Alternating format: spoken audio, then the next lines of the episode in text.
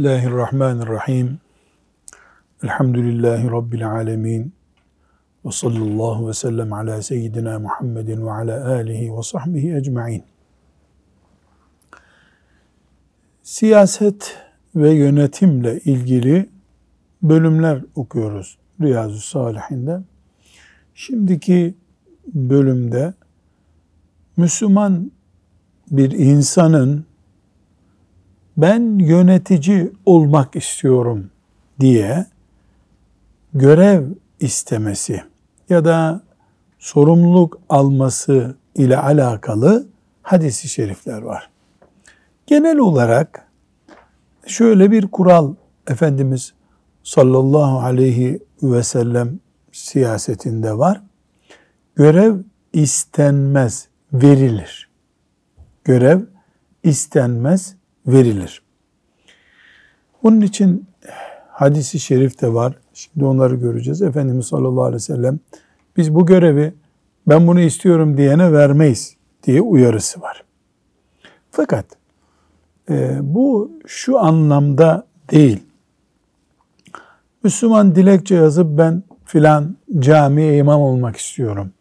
Filan belediyede şu görevi almak istiyorum, memur olmak istiyorum diye yani isteyecek bir dilekçe yazmaz şeklinde değil bu. Bu şudur, Müslüman bir ayrıntıya girdiğimizde bir işi yapacaklar arasında tekse, başka kimse yapamıyorsa onu o şehirde, Müslümana zaten vacip olur o görevi istemek. Ben buna hazırım. Toplum menfaati açısından. Mesela Anadolu'da diyelim bir küçük kasabada bilgisayar programcısı olmadığı için işler yürümüyor. Orada o işi yapabilecek bir kişi var. Vacip olur o işi yapması. Ama e, yapabileceklerin arasında işte sesini yükseltip daha öne çıkıp bu görevi bana verin. Ben şöyleyim böyleyim diye reklam etmesi hadisi şeriflerin zemmettiği bir şeydir. Bu tavsiye edilmemiştir. Allahu Teala'nın o işi yaparken yardım etmesini engelleyen bir şeydir. Meselenin özeti bu şekilde. Bununla ilgili hadis-i şerifler var. Bunları dinleyelim ama bu filanca insan memur olmaz. Ee, illa devlet televizyonda ilan edecek ey filanca gel memur ol. O manada değil bu. Zaten devlet bir kadro açıyorum kabiliyeti olanlar müracaat etsin, imtihan edeceğim, mülakat yapacağım diyorsa zaten bu durum değişiyor. Evet şimdi bu bölümle ilgili önce bir Kasas suresinden ayet almış buraya Nebevi rahmetullahi aleyhi 83. ayet. Bunu dinleyelim. İşte ahiret yurdu. Biz onu yeryüzünde böbürlenmeyi ve bozgunculuk yapmayı istemeyenlere nasip ederiz. Sonunda kazançlı çıkanlar fenalıktan sakınanlardır. Evet. Yani ayet gayet açık. Böyle bir bozgunculuk yapma, hile, alavara, dalavara yapmayı Allahu Teala'nın razı olmadığı bir iş olarak önümüze koyuyor. Ee, ama fenalıktan sakınan, yanlış iş yapmayan biiznillahü teala e, bir memur olsa, bir yerde bir görev istese bundan bir vebal çıkmaz. Evet 675 hadisi şerif bu bahsettiğimiz konuyu gündeme getiriyor. Bu hadis-i şerifi dinleyelim. Ebu Sa'id Abdurrahman İbni Semura radıyallahu anh radıyallahu şöyle anh. dedi. Resulullah sallallahu aleyhi ve sellem bana şöyle buyurdu. Abdurrahman İbni Semura kimseden yöneticilik görevi isteme. Zira, Emir bu. Kimseden yöneticilik görevi isteme. Zira bu görev sen istemeden verilirse Allah yardımcın olur. Ne demek? Sende bir kabiliyet var. O kabiliyeti görüyorlar. Gel bu görevi al diyorlar sana. Allah sana yardım eder bu işte. Eğer sen istediğin için verilirse Allah'tan yardım göremezsin. Ama sen zeminini hazırlıyorsun, torpilini ayarlıyorsun, e, kendini allıyorsun, pulluyorsun ve gidiyorsun bu görevi talip oluyorsun. Seni o zaman Allah yardımıyla desteklemez. Bir de Bir şeye yemin ettikten sonra başka bir davranışı daha hayırlı görürsen hayırlı olanı işleyip yeminin için kefaret öde. Ha, burada değişik bir konu bu. Hadis-i şerifin içinde ikinci bir konu. Yemin ettik. Yaptığım yemini anladım ki bu yanlış oldu. Bu yemini ne edeceğiz? Bozacağız yeminimizi. E, yeminin de kefareti var tabi. Nedir kefaret? On fakiri doyurmak veya ya da üç gün oruç tutmak. Tabi fakirse kimseyi on fakiri doyurması mümkün değilse üç gün oruç tutacak. Bu hadisi şerifte bir öğüt. Ama hadisin ana konusu nedir? Ee, Allah'tan yardım istiyorsan aldığın görevde aranan adam olacaksın o görev için. Arayıp yalvaran adam olmayacaksın ki Allah'ın yardımını göresin. Bir sonraki hadis-i şerife geçelim.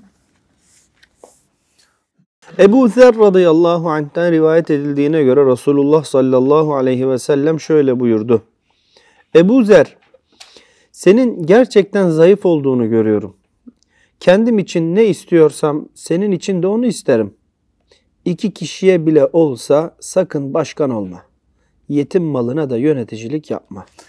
Evet, şimdi burada bütün memurların, işçilerin, sorumluluk alanların, bir yerde şef olanların bu hadisi şerifi ibretle dinlemesi lazım. Resulullah sallallahu aleyhi ve sellem Ebu Zer'e ki çok değerli bir sahabe, ilk Müslümanlardan değil mi? Ee, ben kendim için ne istersem senin için de onu isterim. Yani seni seviyorum buyuruyor. Sen de zayıf bir adamsın. Herhalde kilosu zayıf demek değil değil mi? Yani çabuk sinirleniyorsun. Çabuk fevri kararlar veriyorsun. Dolayısıyla idarecilik açısından zayıfsın. Dolayısıyla sen iki kişinin başına lider olma. Demek ki bundan e, Efendimiz sallallahu aleyhi ve sellem ne tavsiye etmiş oluyor? İnsan önce kendini bir tartmalı ya. Sen çocukları parka götürene kadar on kere bağırıyorsun. E nasıl belediye başkanı olacaksın? Üç tane çocuğunu parka götüremiyorsun sen. Yani sabır lazım, dirayet lazım, istikrarlı lazım, e, çekinmeyen bir e, niyetin olması lazım. Değil mi? Bunu yapabilecek birisi e, bir yerde yönetici olmalı. Eğer bunu yapamıyorsan sen kendi kendine bela istiyorsun demektir. Efendimiz sallallahu aleyhi ve sellemin nasihatinden bu anlaşılıyor. Peki burada Hafız Salih çok önemli bir not var. Hadis-i şerifte diğer iki bölüm daha var. Ona geçmeden bunu konuşalım. İnsan kendisini böyle görmüyordur ama. Bak Ebu Zer radıyallahu anh e, yani böyle zayıf idarecilik açısından zayıf biri olduğunu hiç düşünmedi. Demek ki dışarıdan yani dışarıdan destek almak lazım. Değil mi? Yani istişare etmek lazım. İstihareden önce istişare etmek lazım. Yani bu memurluk benim için hayırlı mı diye istiharenin bir anlamı yok. Gidip iyi bir eski memura mesela veya e, bir pedagoğa da sorulabilir. Yani idari işlerle, o yöneticilik işleriyle uğraşan neler ne tip görevliler var şimdi? Yaşam koçları mı deniyor? Yaşam koçları var. Hayat yani, koçu, yaşam koçu deniyor. Değil mi? Adam sadece e, bu işi yapabilir misin, yapamaz mısın? Onunla ilgili bir saat sana sorular soruyor. Yani değmez mi bir insanın mesela e, bir vakfın müdürü olacaksın sen? Sadece o vakfı seviyorsun. Orada işte İslami hizmetler yapılıyor diye yani yetmez ki bu. Gidip insan bu işte uzman birisine ben böyle bir işi yapabilir miyim ne diyorsun? Deyip teste girmesi lazım. Yoksa e, hiç kimse zayıf olduğunu bilmez ki hep bundan kilosu zayıf. Mesela 60 kiloluk adam ya da yönetici bir 110 kilo olması lazım herhalde gibi anlarsak çok cahilce bir iş yapmış oluruz. Demek ki insan e, ciddi bir istişare etmeli, sormalı. Çünkü bu ahirette bir vebal bu. ve bunu hiç sormadan e, böyle gafletle daldıysan bu vebalde de e, tövbe gerekecek sonra. İkinci bir mesele Efendimiz sallallahu aleyhi ve sellem sanki Ebu Zer radıyallahu anh böyle bir eksiği olacağından değil bize nasihat ediyor. Yetim malına dikkat et. Yani yetimin yöneticisi olma sen. Çünkü yetim bir risk. E, Ebu Zer radıyallahu anh'te zaten bir zafiyet var. E, ne zafiyeti bu? Çok sinirli, çabuk karar veriyor. Neyse artık yani bilmiyoruz onu. Yetim malında ola ki yanlış karar verirsin. Çocuğun arsası satılmaması gerekiyordu. Sen satarsın. Çocuğun gelecekte fakir olmasına sebep olursun. Yeter sana bu bir bela olarak buyurmuş oluyor sallallahu aleyhi ve sellem Efendimiz. Bir de bunu bu arada sıkıştırdık araya. Bu hadisin genel e, manasından ya da bir toplu bakıldığında e, Efendimiz sallallahu aleyhi ve sellem bize yani Müslüman Müslümana onun lehine bildiği bir nasihati yapar muhakkak diyor. Değil mi? Hadise kuş bakışı baktığında Peygamber Efendimiz sallallahu aleyhi ve sellem yani böyle hutbe okurken ey Müslümanlar işte Allah böyle buyuruyor demiyor da çok sevdiği kadim Müslümanlardan ki Ebu Zer radıyallahu anh ilk Müslümanlardan yani kimsenin olmadığı zaman e, Müslüman olarak var olan birisi ona Efendimiz sallallahu aleyhi ve sellem nasihat ediyor. Demek ki bizim dinimizde sen bir Müslüman olarak bir şeyin aslını biliyorsan mesela yıllarca Hasan Hoca 33 sene mi Kur'an kursu hocalığı yaptı Hasan? 30 sene. 30 sene 3 ay Kur'an muallimliği yaptı. Şimdi Salih sen e, Kur'an muallimi olmak istiyorsun bir yerde. E, senin yaşından fazla Hasan Hoca Kur'an hocalığı yapmış.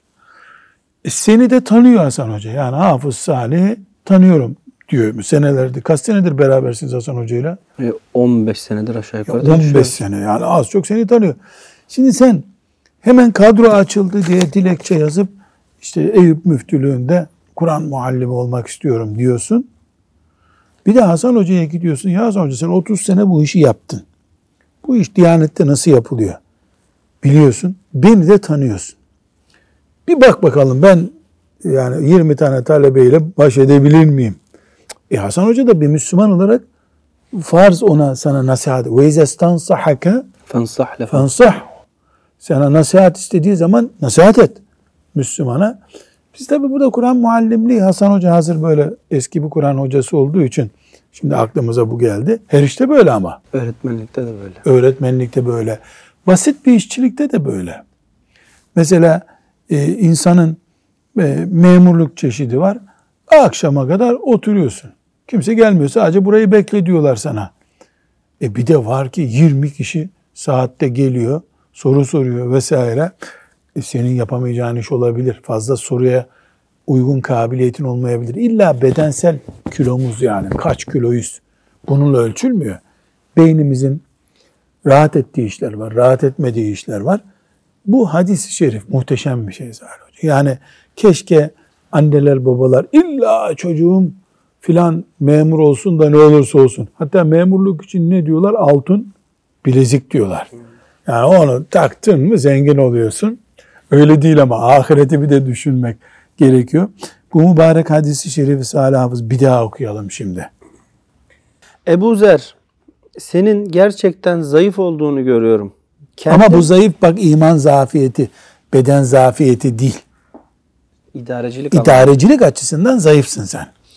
Kendim için ne istiyorsam senin için de onu isterim. Ya. İki kişiye bile olsa sakın başkan olma. Evet. Yetim malına da yöneticilik yapma. Yapma. Bu hadisi şerifi Müslüman dinledi. Müslim'de e, ve Nesai'de, Ebu Davud'da sahih bir hadis-i şerif bu. Bu hadisi şerifi dinledi mümin. Ezan okununca camiye giden bir insan. Niye? Hayya salah deniyor ya. Peygamber çağırıyor, Allah çağırıyor. Celle Celaluhu. E, bu hadisi şerifi de ezan gibi dinlemek lazım değil mi Hasan Hocam? E bir peygamber sana bir emir veriyor aleyhissalatü vesselam. Baldır güldür gidip bir yerde memur olma buyuruyor. Tabi Salih Hocam Burada bir mesele daha var. Yani gidip de İngiltere'de e, kafir bir devlette memur olmak o ayrı bir mesele. Her şey helal, temiz, İslami bir ortam. Yani onu konuşuyoruz biz buna rağmen. Şimdi buradan yani İngiltere'de ya da Norveç'te kafirlerin kilisesine hizmet eden bir memur olayım mı bunu konuşmuyoruz zaten. O başka bir sorun. Her şey helal, mubah. Şahsım açısından acaba caiz mi, değil mi, uygun mu, değil mi onu konuşuyoruz. İnşallah Teala bu hadisi şerifin bereketiyle hareket ederiz. Bir sonraki hadisi şerif yine onunla ilgili onu dinleyelim. Yine Ebu Zer radıyallahu anh şöyle dedi. Ya Resulallah beni vali tayin etmez misin? Bu sefer Ebu Zer gidiyor. Ee, beni vali tayin et diyor bir yere. Eliyle omzuma vurarak şöyle buyurdu. Ebu Zer sen zayıf bir adamsın. İstediğin görevse bir emanettir. Bu emaneti ehil olarak alan ve üzerine düşeni yapanlar müstesna aslında bu görev kıyamet gününde bir rezillik ve pişmanlıktır. Ya bu belki başka bir olaydır. Ya da bu olay üzerine Efendimiz bu uyarıyı yaptıktan bir zaman sonra biraz önce dinlediğimiz sözü tekrar ona söylemiştir. Ama bu da Müslim'in hadisi. Bu da sahih hadis-i şerif. Bu hadis bir şey ilave etti. Nedir o? Ee, görev ne olursa olsun bir emanettir. Bu emanette kıyamet günü sorulacak. Hiç bunda şüphe yok. Kıyamet günü emanetleri soracak Allah. Dolayısıyla kıyamet günü rezil olmak var. Perişan olmak var. İyisi mi Müslüman bari fiziksel tedbirler alıp yani benim bünyem buna uygun mu değil mi diye bakmalı. Her şey para değil. Her şey koltuk değil. Ahiret var diye düşünmek lazım. Bir sonraki hadisi şerife geçebiliriz. Ebu Hureyre radıyallahu Radıyallahu rivayet edildiğine göre Resulullah sallallahu aleyhi ve sellem şöyle buyurdu. Siz memuriyet alma konusunda pek istekli davranacaksınız. Ya Halbuki o yanıp tutuştuğunuz görev kıyamet gününde bir pişmanlık sebebi olacaktır. Bir daha okuyalım Salih Hocam Ebu Hureyre'den. Siz memuriyet alma konusunda pek istekli davranacaksınız. İyi. Ne zaman? Kendisinden sonra. Zaten Efendimiz sallallahu aleyhi ve sellem memurları tayin ettiği için o zaman bir sorun yok. Bak Ebu Zer'e vermedi memurluk. Halbuki o yanıp tutuştuğunuz görev kıyamet gününde bir pişmanlık sebebi olacaktır. Şimdi bu hadis bir defa mucize. Mucize. Neden? Yani Efendimiz sallallahu aleyhi ve sellem sanki görüyor gibi devlet kapısında memur olmak için insanların nasıl böyle bir sürü tavizler verdiklerini, şahsiyetlerini yıprattıklarını, hiç ahireti düşünmediklerini, sadece bir koltuk kapma peşinde olduklarını görüyor gibi konuşmuş. Sallallahu aleyhi ve sellem Efendimiz. Yani devlet ve mal bu iki husustaki hadisler tecelli etmiştir. Yani devlet ve mal konusunda din çok zarar gördü. Dindar da çok zarar gördü. Niye? Gözü görmüyor Müslümanın. Gözü görmüyor. Kıyamet günü pişman olacağını bile bile insan bu bataklığa girer mi? Giriyor işte. Peki bir baba ahirete iman ediyor. Bir anne ahirete iman ediyor. Hesap gününe iman ediyor. Allahu Teala'nın bir karınca kadar da olsa hiçbir şeyi ihmal etmeyeceğini, kıyamet günü getireceğini görüyor. E 60 yaşında bir baba 60 senedir de görüyor ki memur olan yanıyor hakikaten. Ya memur olan helal zor yiyor. Bunu görüyor, herkes görüyor. Buna rağmen çocukları memur olsun diye nasıl çırpınır insan? Yani şimdi kimse memur olmasın, hayır olsun da ortada bir farklılıklar var. Ee, yani kabiliyet var, aranan biri olmak var. Senin çocuğunun acaba bunu koruyabilecek mi, kendisini koruyamayacak mı diye bir incelemesini yapman gerekiyor. Ama bu konuda insanlar siyaset, para ve koltuk oldu mu ahireti öteleyebiliyorlar. Sanki kıyamet kopmayacak. Ya da emekli olunca otomatik o tövbe eder zaten. Yok garantisi mi var bu emekliliğin? Garanti mi var tövbeye? Yani bu hadisi şerifler pek mübarek ikazlar. Tabii ki dinleyen için. Dinlemeyene yapılacak bir şey yok. Rabbim amel etmeyi de müyesser kılsın. Ve sallallahu ve sellem ala seyyidina Muhammed ve ala alihi ve sahbihi ecma'in velhamdülillahi rabbil alemin.